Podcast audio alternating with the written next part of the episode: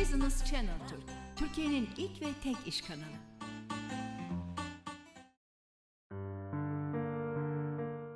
Merhaba, Doktor Permakültürle Doğayla Uyumlu Yaşam programıma hoş geldiniz. Bu program vasıtasıyla sizlerle permakültüre giriş kursumu paylaşmış oluyorum. Programımı takip etmiş olanlar benimle temasa geçerler. Göndereceğim soruları başarıyla yanıtlarlarsa permakültüre giriş kursum için ufak bir sertifika bedeliyle katılım sertifikası alabilecekler. Ben Doktor Murat Onuk.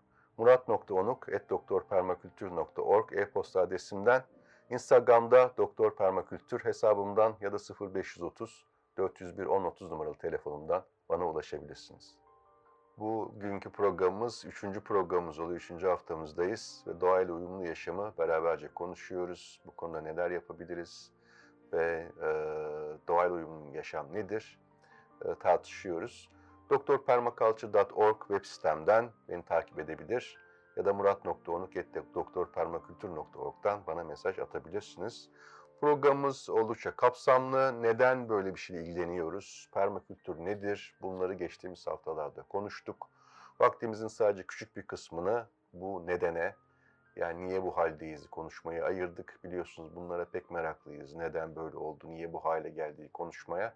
Ama bizlerin şayet bir şeyleri değiştirmek istiyorsak olumludan yana, çözümden yana, aksiyondan yana tavır almamız lazım. Ve permakültür bu anlamda bizlere aslında içinde yaşadığımız sorunların, dünyamızın sorunlarının ve soyumuzun, insan soyunun dünyada devamını tehlike altına atan sorunlarımızın çözümü için çok kapsamlı bir alternatif sunuyor. Bugün işte bu konularda ilerlemeye devam edeceğiz. Etikten temel kavramları baştan tasarlayarak ilerleyeceğiz. Çünkü yaptığımız işi sağlam bir temeli oturtmamız lazım. Ancak sağlam temele oturan belli bir ahlak, felsefe ve prensipleri olan sistemler anlamlı sonuçlar doğurabiliyorlar. Bu yüzden de permakültür etiği ve kavramların baştan tanımlanması çok önemli.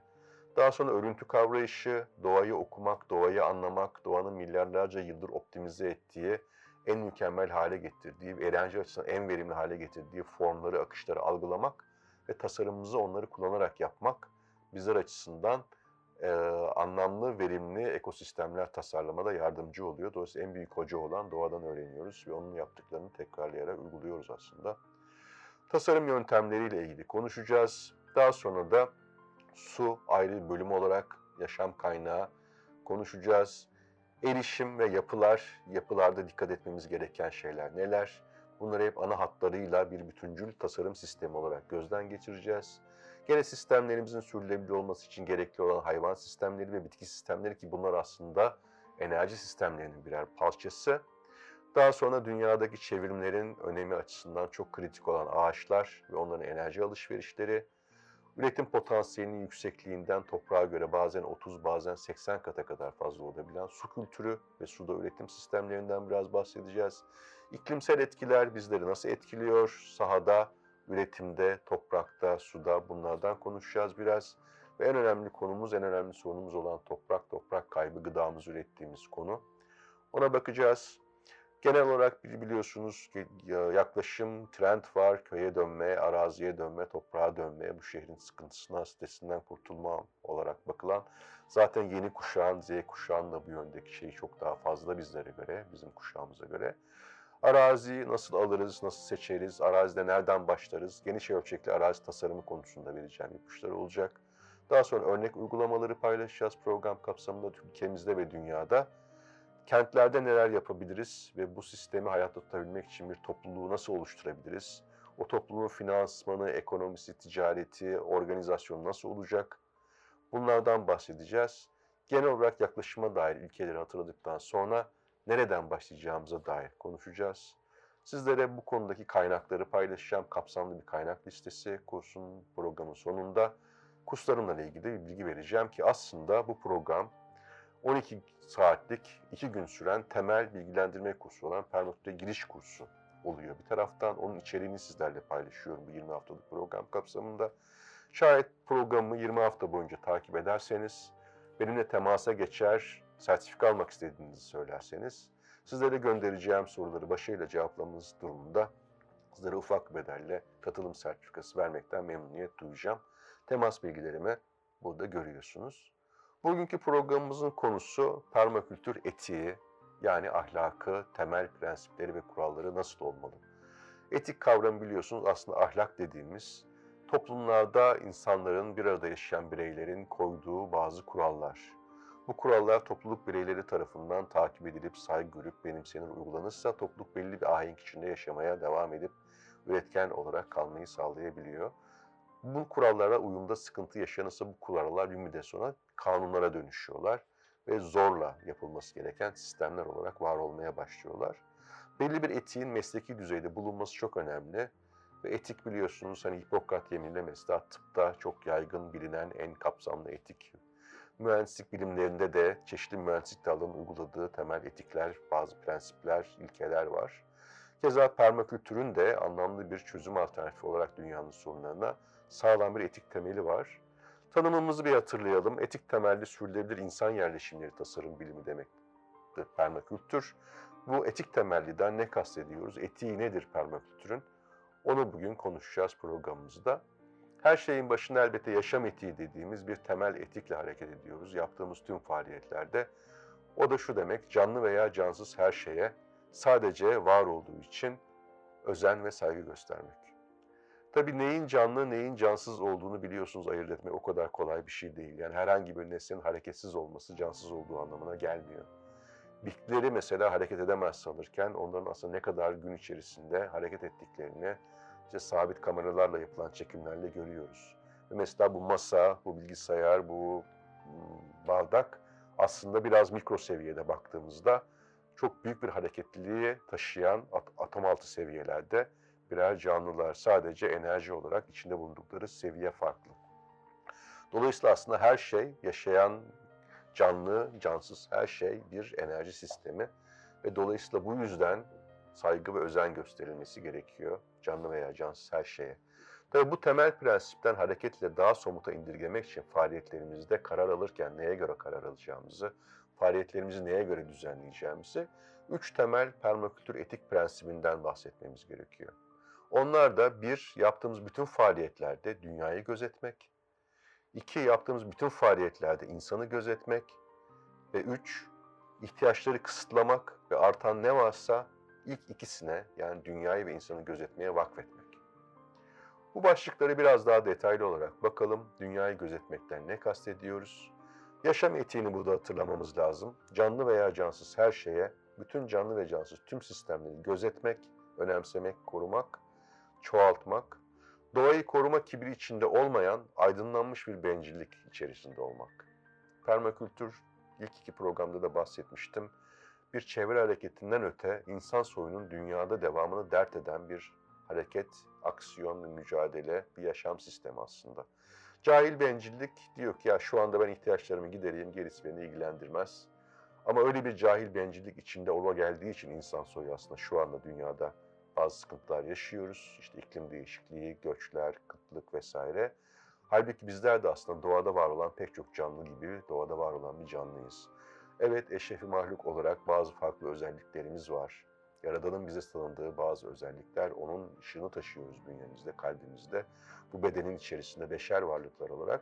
Bu dünyaya bazı deneyimleri yaşamak için geldik ve bunda bir bedelini ödedik. Belli şeyleri kabul ederek geldik. En büyük yardımlarla donanarak, desteklenerek geldik ama unutma prosesine tabi olarak geldik. Özümüzü, nereden geldiğimizi unuttuk. Bu bedende var olduk, canlandık ve hayatımızı elbette esas amacımız nedir onu hatırlamaya, onu gerçekleştirmeye adayarak yaşıyoruz, yaşamamız gerekir. Bunu fark etmekle, bulmakla geçiyor pek çok hayat. Bulabilenler bunu gerçekleştirmek için mücadele ediyorlar. Belli seviyede gerçekleşirlerse de bu bedeni terk ettiklerinde özgürleşiyorlar. Ya da tekrar gelip o görevi tamamlayıncaya kadar gelmeye devam ediyorlar. Böyle inanılıyor e, spiritüel sistemlerde. İnsanoğlu olarak bizim işte fark etmemiz lazım nasıl bir varlık olduğumuzu, soyumuzun devamını, torunlarımızın, çocuklarımızın geleceğinin sorumluluğunu alarak bu fiziksel dünyada, bu küçük bahçede bir şeyleri doğru şekilde yapma yönünde adım atmamız gerekiyor. Sağlıklı, mutlu, bolluk ve bereket içinde yaşayabilmek için dünyayı korumak zorundayız ve dünyamızın kaynakları aslında 11 milyar insanı bile sağlıklı bir şekilde besleyebilecek, bütün temel ihtiyaçlarını karşılayabilecek kaynaklara sahip. Yeter ki biz o kaynakları kendimizi doğru konumlandırarak doğayla uyumlu bir yaşam içerisinde doğru şekilde, doğru tekniklerle değerlendirmeyi başaralım. Doğaya, dünyayı korumaya yaklaşımda, dünyayı gözetmede doğru bir yaklaşım içerisinde olmamız lazım. Temelde şöyle bir yaklaşım söz konusu, en iyi niyetle belki, insan ne yaparsa yapsın doğaya zarar verir, bunu en aza indirmemiz lazım. Bu mevcut yaklaşımda kabul gören bir şey olmakla beraber aslında problemli. Yani en azı da hadi sıfıra indirgemek gibi böyle bıçak sırtı bu şeyi kabul etmek demek oluyor. Biz bir şekilde doğaya zarar veririz, bunu aza da indirelim. Halbuki bu bakış açısı negatif ve olumsuz bir bakış açısı ve bunu bırakmamız lazım.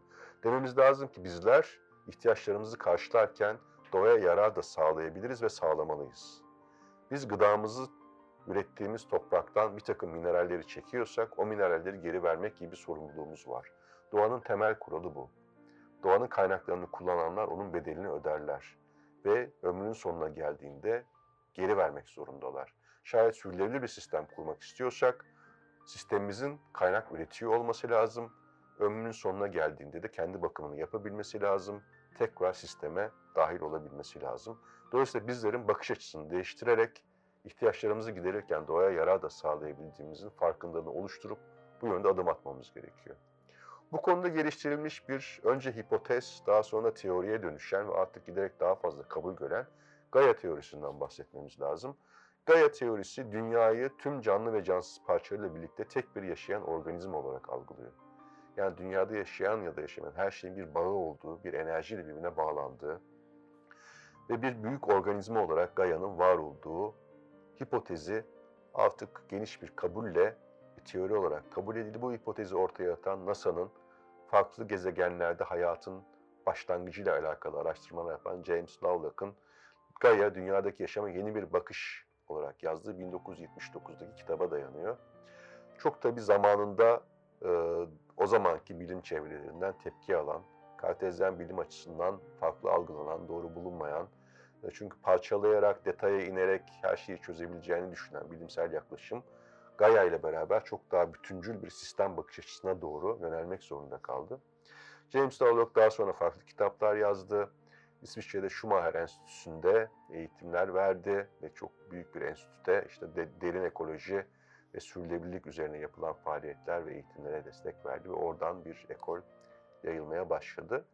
Bu artık dünyada kabul edilen bir teori e, olarak varlığını sürdürüyor Gaia anlayışı. Yani bizlerin aslında Gaia'yı tabii okuyarak, hani dinleyerek anlamamız zor. Gaia hissedebilecek bir şey. Bu konuda kurslarımda çok sevgili bir dostum Gayle Çapolov anlatıyor Gaia'yı ve Gaia'nın hissedilebileceğini ancak bir orman yürüyüşüyle aslında yaşanabileceğini ve anlaşılabileceğini, bizim aslında doğal ormanlarda, doğal ekosistemlerde bağlantıya geçtiğimizde midemizdeki bağırsaklarımızdaki faunanın uyumuyla doğadaki fauna uyumu sayesinde kendimizi çok daha iyi hissettiğimizi, e, bunun ancak deneyimlenebilecek, hissedilebilecek bir şey olduğunu anlatıyor. E, bu yüzden Gaia'nın farkındalığını oluşturmamız ve hayatımızda ona yer açmamız, ona daha fazla dikkat etmemiz, özen göstermemiz, hissetmeye çalışmamız gerekiyor. İkinci etik başlığa geçersek yani birinci etik dünyayı gözetmekte. İnsanı gözetmek mevzuna geldiğimizde de dünyayı gözetirken elbette bunu insanlar pahasına, insanları köleleştirerek, doğayı onarmak için çalıştırarak yapmamız mümkün değil. Çünkü genelde dünyanın zaten en çok tahrip olduğu yerler, insanların doğaya en çok zarar verdiği yerler, kıtlık ve yokluğun en yoğun yaşandığı yerler.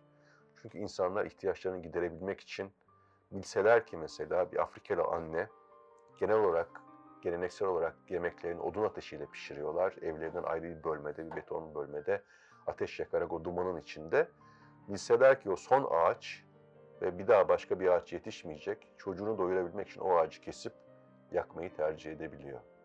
Bu yüzden şayet dünyayı onarmak adına doğayla uyumlu yaşamanda bir şeyler yapacaksak, insanı da gözetmek zorundayız ve insanlığın temel ihtiyaçlarının karşılanması gerekiyor.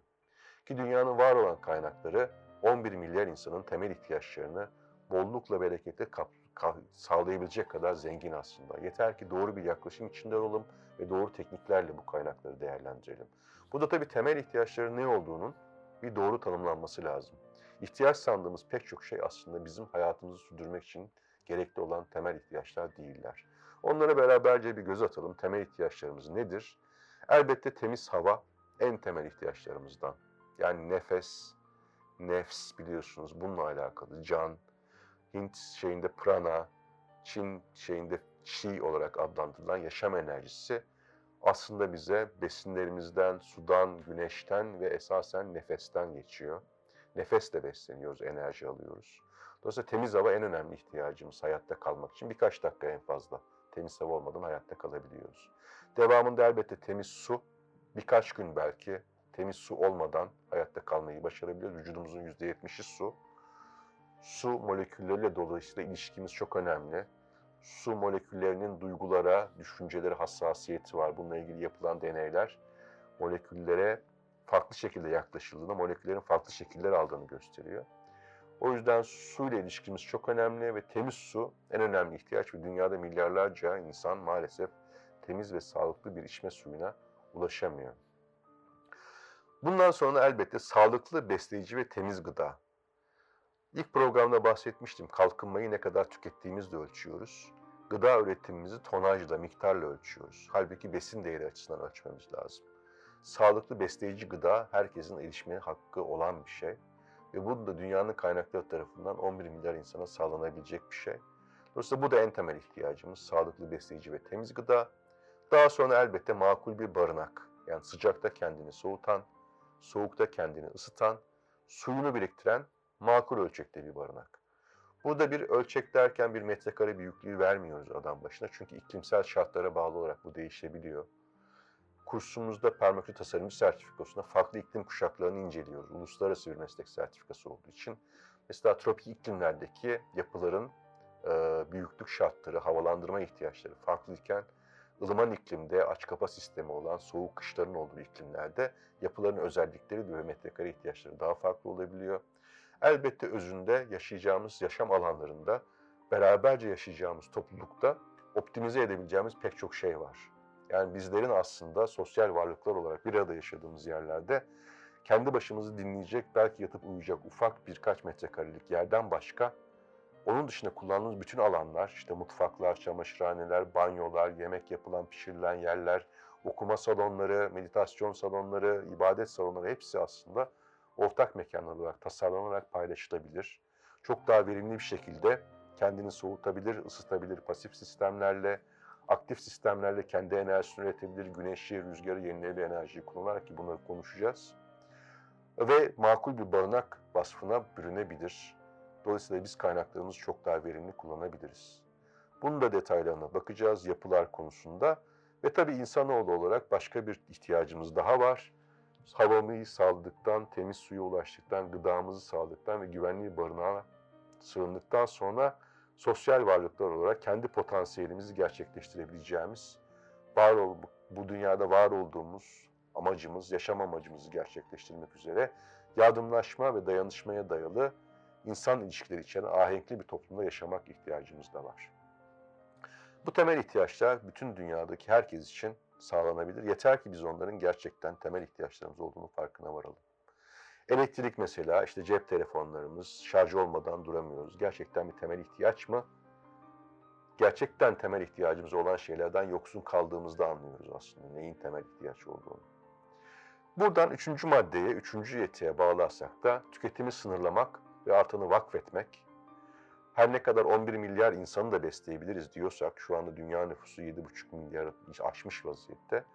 Nüfus artışı devam ettiği sürece elbette 11 milyar sınırına da bir gün geleceğiz demektir. O yüzden nüfus artışını da sınırlamak, tüketimi sınırlamak, ihtiyacımız olmayan bir sürü şeyi almaktan vazgeçmek, evlerde istiflediğimiz bir sürü şeyi paylaşmak, ya kullanmak ya paylaşmak ya da tekrar kullanmak ve tüketimi sınırlamak, kalanı da vakfetmek, ilk iki maddeye, dünyayı ve insanı gözetmeye, üçüncü temel etik başlığımız. Artan neler olabilir? Para en kolay olan artabilen şey ama ürün artabilir, emek artabilir, zamanımız artabilir, bilgimiz artabilir, sevgimiz artabilir ve biz bunları paylaştıkça aslında biliyorsunuz çoğaltabiliyoruz. Bilgi de, sevgi de paylaşarak çoğalıyor. Bilginin diyeti paylaşmaktır der sevgili eşim Banu. Dolayısıyla paylaşarak ancak bunları çoğaltabiliriz. Bu artanı ne kadar çok paylaşırsak, dünyayı ve insanı gözetmeye vakfedersek, o kadar işte dünyanın tekrar doğayla uyumlu bir yaşama kavuşabilmemiz için insanoğlu olarak dönüşmesinde faydalı olabiliriz. Permakultürün kurucusu Bill Mollison'un çok çarpıcı bir sözü var. O zaten çok çarpıcı ifadelerle dikkat çekerek, hassasiyet uyandırarak, biraz irite ederek farkındalık arttırmayı hedefleyen bir bilgiydi eğitimlerinde. Diyor ki kaynakları sınırlı olan bu dünyada yaşarken ihtiyacından fazla mal mülk biriktirmek ahlaksızlıktır. Kişisel olarak çocuklarımız için iyi bir gelecek hazırlamayı dert edebiliriz. Ya da belli bir yaştan sonra onların da kendi geleceklerini hazırlamalarına imkan verebiliriz. Ee, Bu bir tabii miras hukukunu reddeden bir yaklaşım değil. Ama bir de şu var, dünyada var olan, içinde bulunduğumuz serbest piyasa ekonomisinin yarattığı bir kişilik var, tüzel kişilikler, limite şirketler. Bu şirketler kanun önünde bir insan gibi muamele görüyorlar, hakları var, mal sahibi olabiliyorlar. Bu malı, birikimi nesiller boyunca ellerinde tutabiliyorlar, çoğaltabiliyorlar ve hukuk önünde de haklara sahipler. Pek çok işte uluslararası böyle kuruluş çok büyük mal varlıklarına sahipler ve bunun bir kısmı bazen devletlerin mal varlıklarına daha da fazla kaynaklarından. Ve bu şirketler karar verici olarak o şirketleri yönlendiren profesyonel yöneticiler tarafından çoğunlukla yönetiliyorlar ve o profesyonel yöneticiler de kararlarını çoğunlukla kısa vadeli prim hedefleri doğrultusunda verebiliyorlar. Ve bunun sonuçları da işte şu anda içinde bulunduğumuz dünyada çok yıkıcı olabiliyor. Esasen burada kaynakları sınırlı olan bu dünyada bu ihtiyaçtan fazla mal birikiminin işte kastettiği şey bu tarz tüzel kişiler ağırlıklı olarak ve tabii özelde de kendimiz açısından ihtiyacımız olmayan bir sürü şeyi biriktirmemize hiçbir faydası yok. İhtiyacımız kadarıyla yetinmek zaten kendi topraklarımızın nefs terbiyesinin, tasavvufun en önemli şeylerinden bir tanesi. Buradan temel kavramlara devam edersek permakultür etiğini konuştuktan sonra bazı kavramları baştan tanımlamamız gerekiyor. Bunlardan en önemlisi belki permakultür tasarımı kavram şeyinde geçen, tanımında geçen sürdürülebilir olma meselesi. Etik temelli sürdürülebilir insan yerleşimleri tasarım bilimi demiştik. Permakültür için bu sürdürülebilirlik çok yoğun olarak artık kullanılmaya başlayan bir kelime oldu. Ama pek çok tanımı maalesef yeterli değil. Kavram doğru olarak tanımlanmıyor. Bir şeyin sadece birkaç kere kendini tekrarlayabiliyor olması sürdürülebilirlik ifade etmiyor. Bu yüzden sürdürülebilirliği baştan tanımlamamız lazım.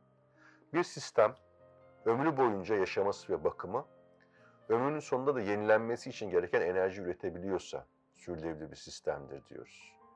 Yani normalde sistemin kendi ihtiyacından fazla bir kaynağı yaratabiliyor olması lazım. Tabii içinde yaşadığımız küçük bahçede, belki ilk programı seyredenler hatırlayacaktır. Yani küçük bahçe derken evimizin bahçesinden, balkonumuzdan öte dünyamızı ve dünyamızın içinde olduğu büyük fiziksel mevcut kainatımızdan bahsediyorum. Big Bang ile ortaya çıkan kainatı bir küçük bahçe olarak alabiliriz aslında. Pek çok bahçeler var ve o bahçelerden birindeyiz biz ve bu bahçenin tabi olduğu bazı temel kanunlar var. Bu kanunlar diyor ki termodinamik yasaları bunlar. Toplam enerji sabittir. Enerji yoktan var olmaz, varken yok olmaz. Lavoisier'in meşhur enerjinin korumu kanunu. Bununla birlikte ama hiçbir çevrimde %100 verimli değildir. Yani bir kayıp söz konusudur. Hareket eden bir cisim yavaş yavaş durmaya doğru temayül eder. Toplu olan şeyler yavaş yavaş dağılmaya, çözülmeye, enerji seviyelerini düşürmeye doğru temayül ederler ki buna entropi diyoruz ya da dağı diyoruz. Aslında canlı olan sistem tanımı dağa dayanabilen herhangi bir sistem canlıdır diye tanımlanıyor. Şimdi bu fizik yasalarına tabiysek bu küçük bahçede nasıl olur da biz sürdürülebilir sistemler, kendi ihtiyacından daha fazla kaynak üreten sistemler üretebiliriz, tasarlayabiliriz. Bu soruyu tabii cevaplamamız lazım. Sistemi şayet dünya olarak alırsak, dünya biliyorsunuz her ne kadar biz dışına çıkamasak da birkaç işte ay, Mars vesaire seyahati dışında gönderdiğimiz uydular kalıcı bir şekilde dünya dışına çıkamıyoruz. Bu da dünyayı kapalı bir sistem yapmakla beraber aslında dünya tam bir kapalı sistem değil bildiğiniz gibi. Dünyayı besleyen çok büyük bir kaynak var. Hepinizin tahmin ettiği gibi bu kaynak güneş. 8 saniyede bir dünyaya gönderdiği enerji paketleriyle güneş dünyada hayatın sürmesini sağlıyor. Tükettiğimiz pek çok fosil yakıtı, doğadaki pek çok çevrimi, rüzgarı güneşin dünyaya gönderdiği enerjiler sayesinde aslında sağlıyoruz. Dünyanın işte bir demir çekirdekten kızgın e, katılaşması, güneşin etrafında bir şey yörüngeye oturması, düzenli bir periyotta yatık bir eksenle dönmesi bize işte dünyada çok özel bir hayatın oluşum şartlarını yaratmış. Bunun devamında güneş sağlıyor.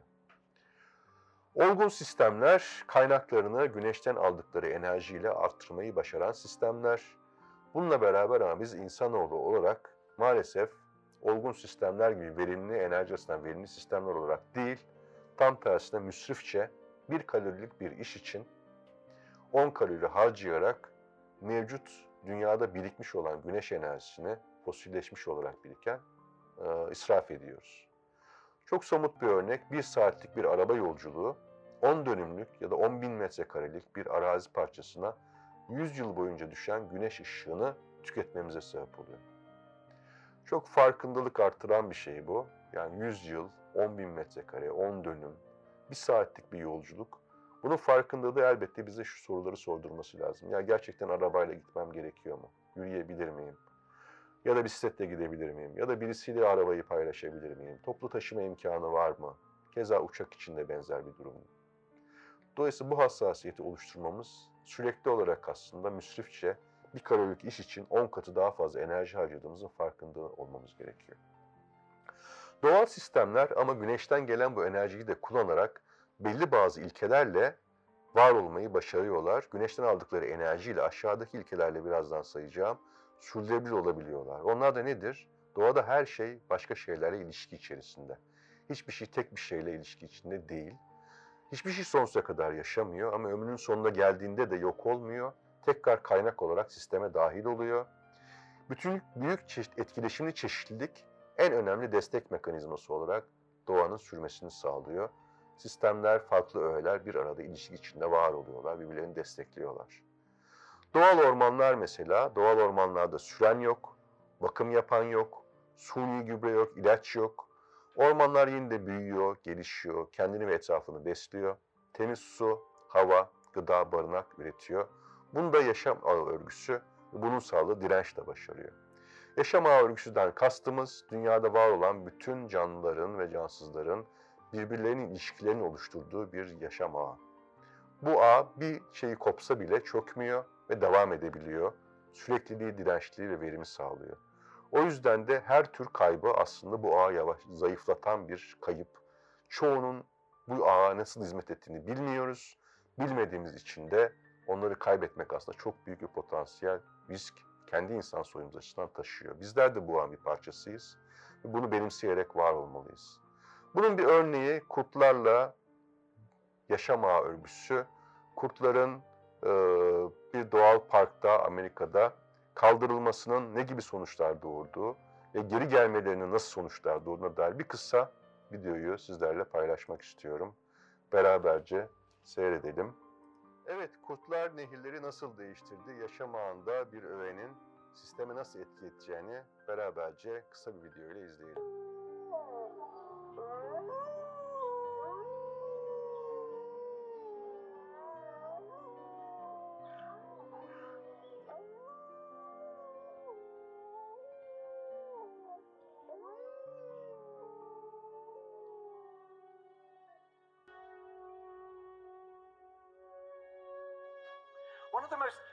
Exciting scientific findings of the past half century has been the discovery of widespread trophic cascades. A trophic cascade is an ecological process which starts at the top of the food chain and tumbles all the way down to the bottom. And the classic example is what happened in the Yellowstone National Park in the United States when wolves were reintroduced in 1995. Now, we, we all know that wolves kill various species of animals, but perhaps we're slightly less aware that they give life to many others. Before the wolves turned up, they'd been absent for 70 years. That the numbers of deer, because there was nothing to hunt them, had built up and built up in the Yellowstone Park, and despite efforts by humans to control them, they'd managed to reduce much of the vegetation there to almost nothing. They'd just grazed it away. But as soon as the wolves arrived, even though they were few in number, they started to have the most remarkable effects. First, of course, they killed some of the deer, but that wasn't the major thing. Much more significantly, they radically changed the behavior of the deer. The deer started avoiding certain parts of the park. The places where they could be trapped most easily, particularly the valleys and the gorges. And immediately those places started to regenerate. In some areas, the height of the trees quintupled in just six years. Bare valley sides quickly became forests of aspen and willow and cottonwood. And as soon as that happened, the birds started moving in. The number of songbirds and migratory birds started to increase greatly. The number of beavers started to increase because beavers like to, to eat the trees. And beavers, like wolves, are ecosystem engineers. They create niches for other species. And the dams they built in the rivers um, provided habitats for otters and muskrats and ducks and fish and reptiles and amphibians. The wolves killed coyotes, and as a result of that, the number of rabbits and mice began to rise, which meant more hawks, more weasels, more foxes, more badgers. Ravens and bald eagles came down to feed on the carrion that the wolves had left. Bears fed on it too, and their population began to rise as well, partly also because there were more berries growing on the regenerating shrubs. And the bears reinforced the impact of the wolves by killing some of the calves of the deer. But here's where it gets really interesting. The wolves changed the behavior of the rivers. They began to meander less. There was less erosion. The channels narrowed. More pools formed. More riffle sections, all of which were great for wildlife habitats. The rivers changed in response to the wolves. And the reason was that the regenerating forests stabilized the banks so that they collapsed less often, so that the rivers became more fixed in their course. Similarly, by driving the deer out of some places and the vegetation recovering on the valley sides, there was less soil erosion because the vegetation stabilized that as well. So the wolves, small in number, transform not just the ecosystem of the Yellowstone National Park, this huge area of land, but also its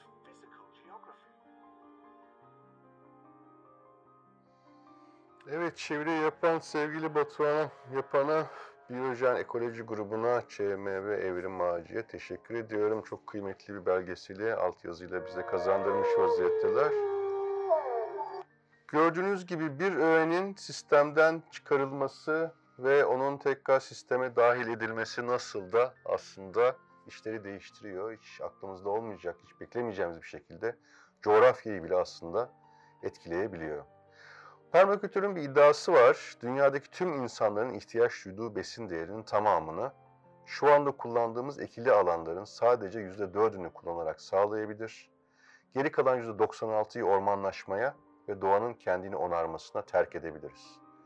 Bu yönde adım atarsak ve ihtiyacımızı en ufak arazi parçasında yetiştirip doğru tekniklerle çok yıllık bitkilere geçerek sağlayıp geri kalan %96'yı ormanlaşmaya terk edersek hızla dünyamızın çevrimlerinin toparlanmasını ve Gaia'nın tekrar sağlığına kavuşarak soyumuz için çok daha uygun ortamlar sunmasını sağlayabiliriz. Bu çok kısa sürede ulaşılabilen bir şey. Pek çok örneklerle, uygulamalarla farklı ölçekte hesaplanmış bir rakam bu. Ee, bunun olabileceğini, nasıl olabileceğini sizlerle bu programda paylaşmaya çalışacağım. Permakültür nasıl doğru ilişki kuracağımızı araştırıyor. İşte o doğadaki farklı yaşam alanındaki öğelerin ilişkisini nasıl kurulacağı. Bunu yaparken de en büyük hoca olan doğadan öğreniyoruz. İnsanoğlu aklını kullanarak, teknolojisini kullanarak doğanın yaptığını daha da ileriye götürebilir ve hızlandırabilir. Bu program kapsamında da buna dair bilgileri beraberce paylaşacağım. Etkili çeşitlilik, doğada var olan bu etkileşimli çeşitlilik, denge, bu denge bir kararlılık, bu kararlılık bir direnç. Bunun sonucunda gerçek anlamda bir verimlilik, sürdürülebilir bir ürün fazlası ve gerçek anlamda bir ekonomiye ulaşabiliyoruz. Ve ancak ondan sonra işte daimi kültür örgüsü dediğimiz en temel ihtiyaçlarımızı sağladıktan sonra sosyal varlıklar olarak kendimizi gerçekleştirme, ahenkli bir toplumda yaşama ihtiyacımızı da sağlayacak olan permakültüre ulaşabiliyoruz.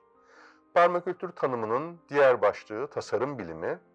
Burada da bilimin ne olduğunu baştan tasarlamamız lazım. Ee, tüketime hizmet eden, mevcut sisteme hizmet eden, bilim parçalayan, bölen, teker teker analiz eden ama bütüne bakmayan bilimi biraz daha farklı tanımlamamız lazım. Bilim gözlemlenebilen güvenilir örüntülerin tüm ölçeklerde keşfidir. Bu örüntül kavramını bir sonraki programımızda etraflı bir şekilde konuşacağız. Bu etiği, etik temeli, ahlaki prensipleri ve ilkeleri bilimle, doğru bilim tanımıyla sentezlediğimizde tekrar tekrar uygulanabilen sonuçları olan permakül tasarımına ulaşıyoruz. Permakül tasarımında beş temel e, element yani ışık, hava, toprak ve su ve buna eklenen ağaç bir tasarım fikrinin etrafında bir araya geldiklerinde altta bütün bilimsel disiplinler, enerji, finans, ekonomi, mimari, antropoloji, coğrafya, bahçecilik, tarım, biyoloji, botanik sayabileceğiniz bütün bilim dalları bir araya gelerek tasarım fikrinin etrafında ürünler vermeye, bu ürünler işte bir balkon bahçesi olabilir, bir bahçe, bir yazlık bahçesi, bir çiftlik, bir köy, bir ekoköy, bir ekopark, bir banliyö sistemi, bir şehir tasarımı, hatta ülke boyutunda çok büyük araziler, Loş platosu gibi Çin'de 640 bin kilometre karede, Türkiye'nin arazisi 780 bin kilometre kare, çok büyük uygulamalar, çiftlikler, şirketler, bostanlar, ürünler, su ürünleri oluşturabilir. Ee, etiğin ve bilimin doğruca, doğru şekilde bir araya gelmesi. Evet efendim, bu haftaki programımızın da sonuna geldik. Üçüncü programımızda permakültür etiğini konuştuk. Temel bazı kavramları baştan tasarladık. Ben Doktor Murat Onuk. Sizlerle devam eden haftalarda permakültürü, doğayla uyumlu yaşamı konuşmaya devam edeceğim. Önümüzdeki haftaki programımızda görüşmek üzere, örüntü kavrayışı üzerine konuşmak üzere. Hoşçakalın.